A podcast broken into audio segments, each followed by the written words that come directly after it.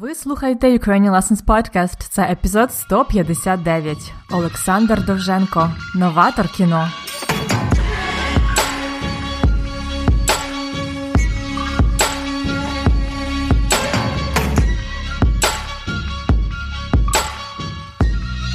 Привіт-привіт! Це Анна Огойко, і ви слухаєте подкаст для всіх, хто вивчає і любить українську мову. Це четвертий сезон. І це епізоди повільною українською мовою для вашого повного занурення в мову. Останнім часом на подкасті я розповідала вам про відомих українців і українок, їхні історії життя, біографії. Я думаю, це важливо, бо так ви зможете нарешті знати, чому в Україні так багато пам'ятників Тарасу Шевченку, так? Або чому багато вулиць називаються Лесі Українки, або чому ціле місто називається Івано-Франківськ. Сьогодні епізод буде про те, чому. Кіностудія в Києві називається імені Олександра Довженка. І також чому багато кінотеатрів в Україні мають назву Кінотеатр Довженка. Олександр Довженко є, напевно, центральним українським кінорежисером. Хоча він знімав своє кіно ще в 20-30-х роках минулого століття. Крім того, він був письменником, сценаристом і навіть карикатуристом. Готові дізнатися більше про нього? Тоді почнімо.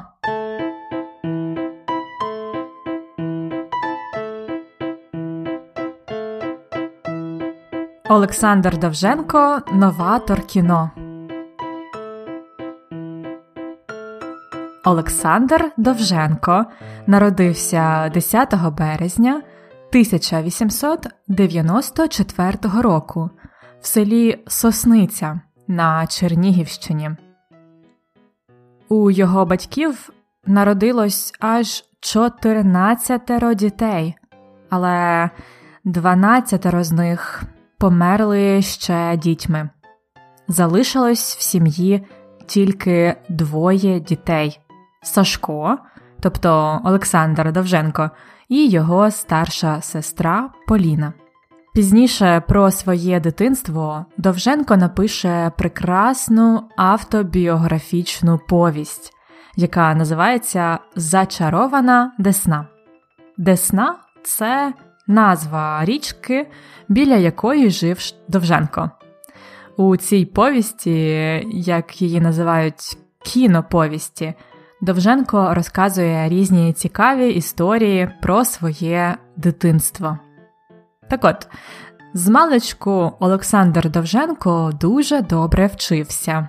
Він був відмінником і вступив до університету, і потім почав працювати вчителем. Водночас він брав участь у революційних подіях тих часів. Тоді він був на боці УНР Української Народної Республіки. Тобто він воював проти більшовиків, проти Червоної армії. Він виступав за незалежність України. Він був на боці націоналістів. І тому під час цих подій Довженка заарештували і відправили до концтабору на три місяці. Концтабір це концентраційний табір. Це така в'язниця чи тюрма з дуже важкими умовами. Зазвичай концтабори є в тоталітарних країнах. Після повернення з концтабору Довженко почав малювати, малювати карикатури, і цим він навіть заробляв собі на життя.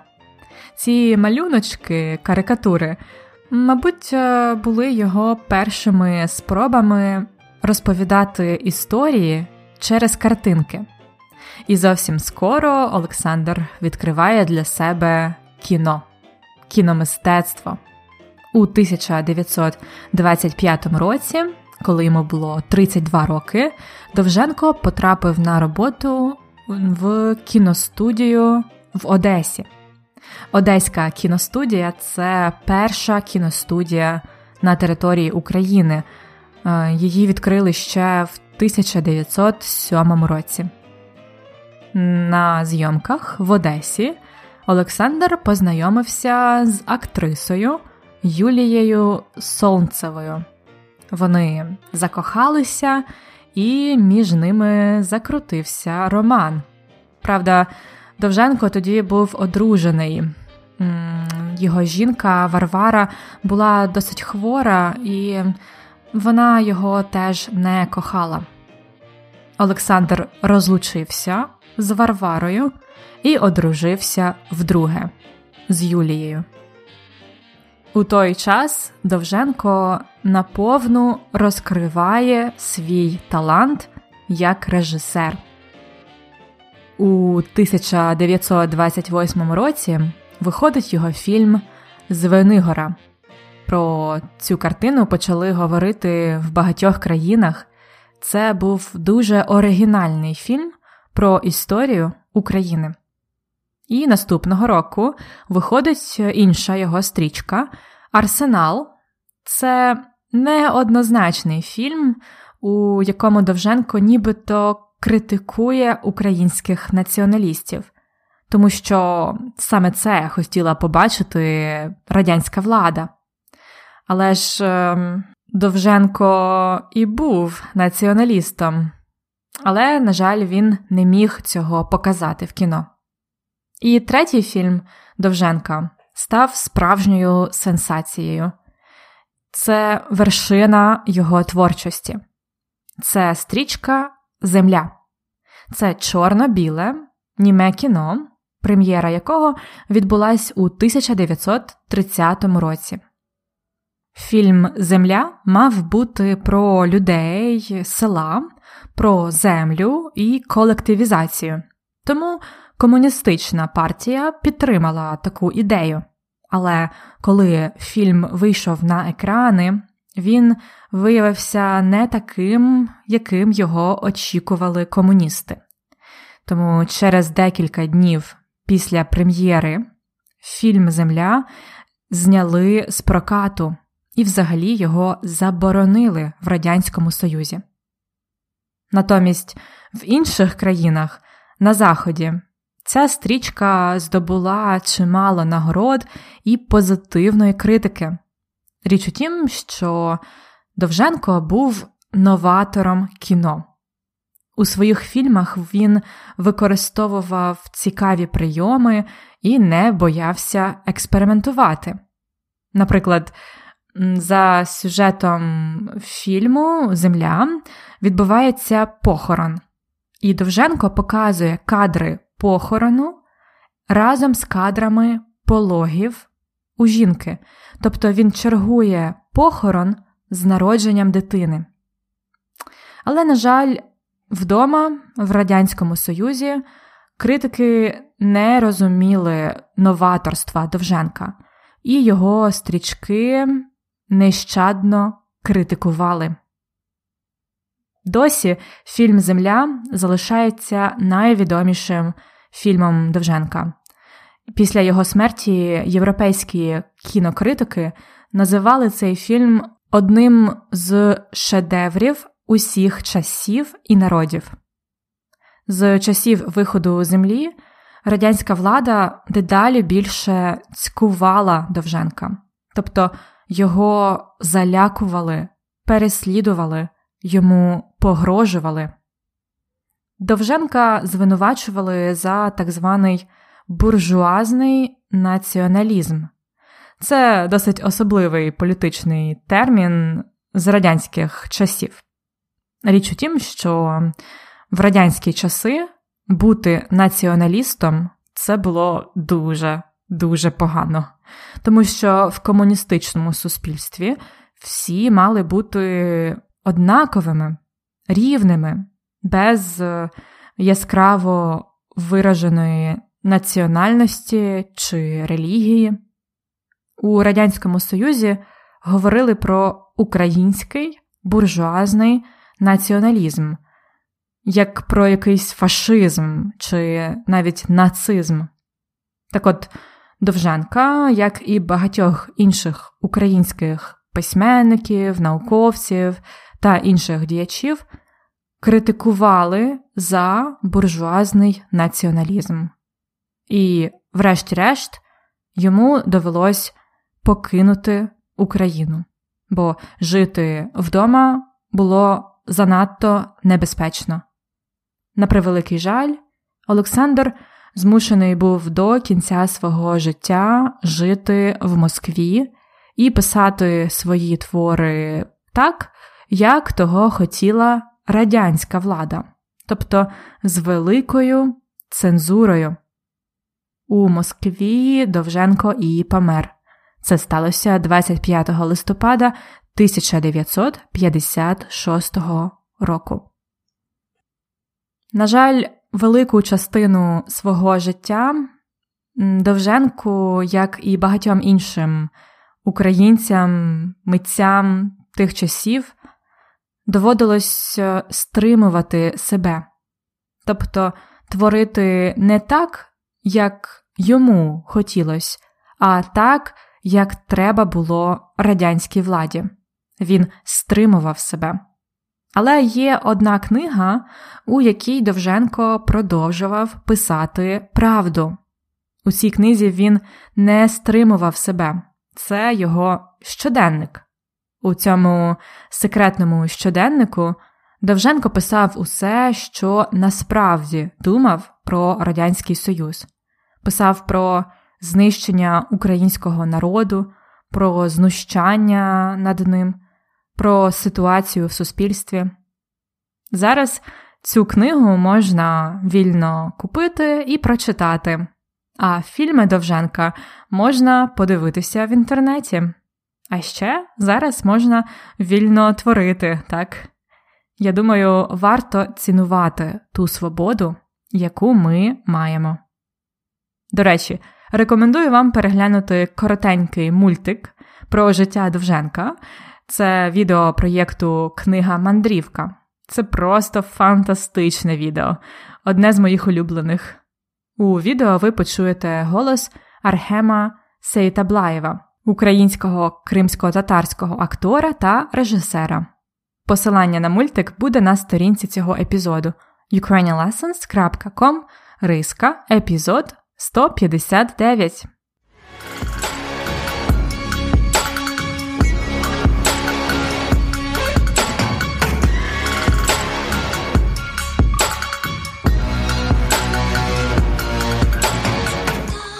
А зараз, як завжди, розглянемо цікаві вирази ідіоми, які я використовувала у розповіді.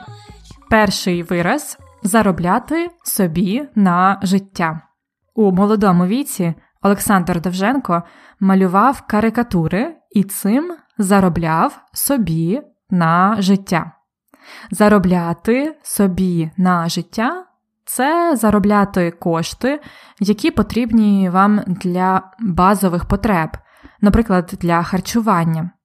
Олександр Довженко заробляв собі на життя карикатурами. Тобто це не було просто хобі, він також мав від цього дохід заробляти собі на життя. Наступна ідіома закрутився роман. В Одесі Довженко познайомився з актрисою Юлією. Вони закохалися, і між ними закрутився роман. Закрутити роман або закрутився роман.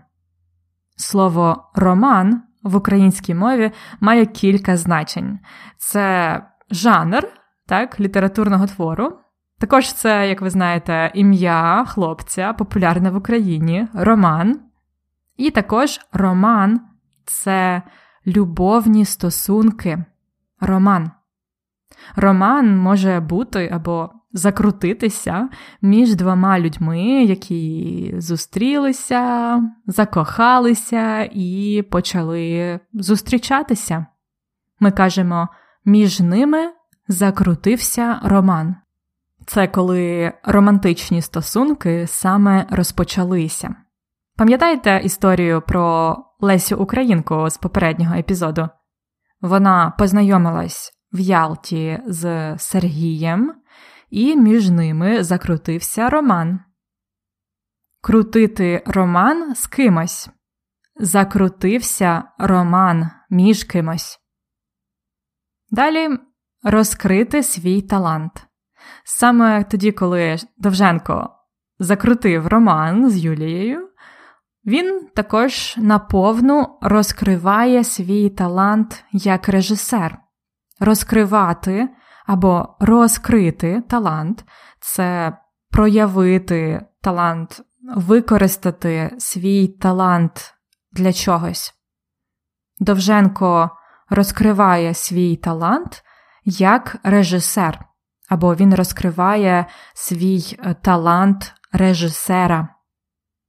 А Іван Франко, наприклад, розкрив свій талант письменника, або він розкрив свій письменницький талант, можна ще так сказати. Розкрити талант, розкривати талант.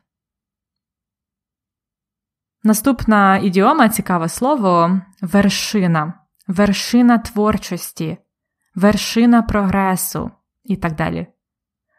Для Довженка вершиною його творчості став його фільм Земля, вершина творчості, тобто його найкращий твір. Це може бути також е, взагалі щось найкраще, що зробила людина за своє життя.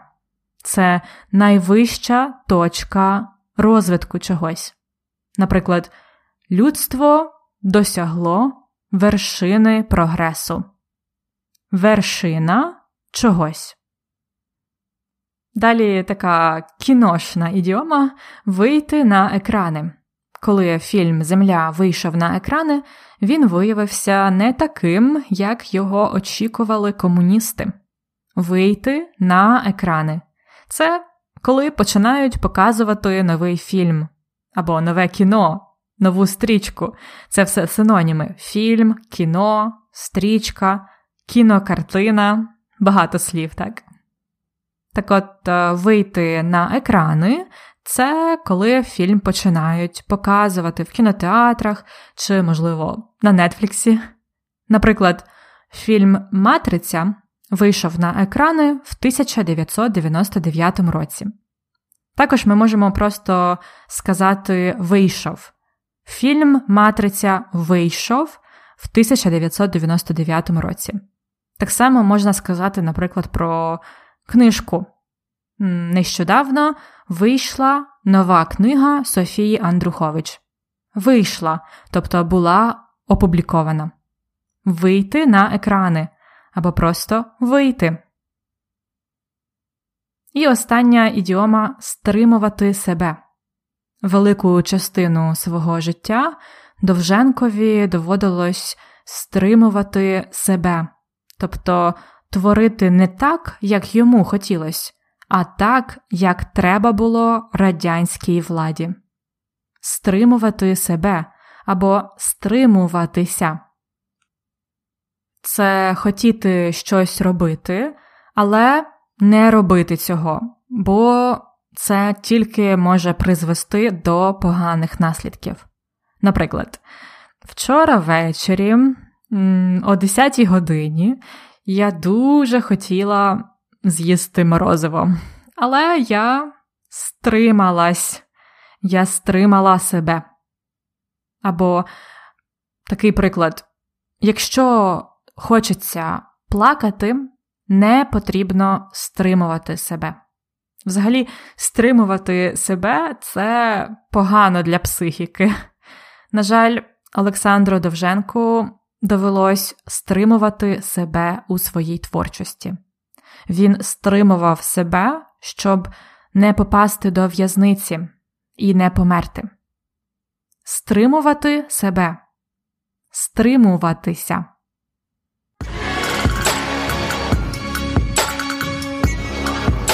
Цікавинка з граматики. Про сім'ю Довженка ми знаємо такий сумний факт. У його батьків народились аж 14 дітей, але 12 з них померли дітьми. Залишилось тільки двоє Сашко і його старша сестра. У цьому реченні ви почули трошки такі дивні числівники: чотирнадцятеро, дванадцятеро, двоє. Що це за числівники? Це особлива група. Збірні числівники. Двоє, троє, десятеро, п'ятеро. Ці числівники можна утворити не від всіх чисел, а тільки від 2 до 20 і числівника 30. Тобто, наприклад, від 2 двоє або двійко, від 3 троє. Отже, двоє троє. А далі додаємо просто еро. 4 четверо, 5 п'ятеро, 14 чотирнадцятеро, 30 тридцятеро.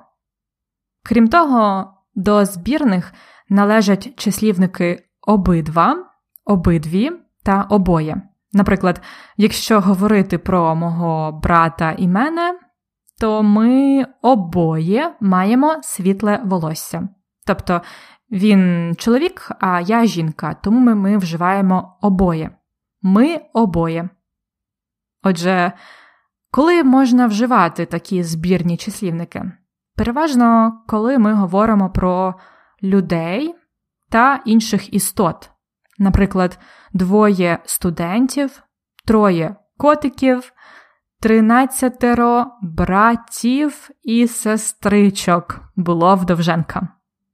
Збірні числівники, як ви чуєте, вживаємо з родовим відмінком множини студентів, котиків, братів, сестричок. І крім істот, е, збірні числівники іноді вживають з предметами, а особливо, якщо це парні предмети, які бувають тільки в множині. Наприклад, штани двоє штанів, або, можна сказати, дві пари штанів, двоє ножиць або дві пари ножиць. І останнє, що треба пам'ятати, це те, що збірні числівники мають е, таку особливу форму тільки в називному відмінку. В інших відмінках вони просто перетворюються на звичайні числівники. Наприклад, у Довженка було 13 братів і сестричок. З 13 братів і сестер залишилась у нього тільки одна сестричка. Тобто форма 13 це вже звичайна форма. Як завжди, вся інформація у формі таблички та вправи для практики будуть в конспекті уроку.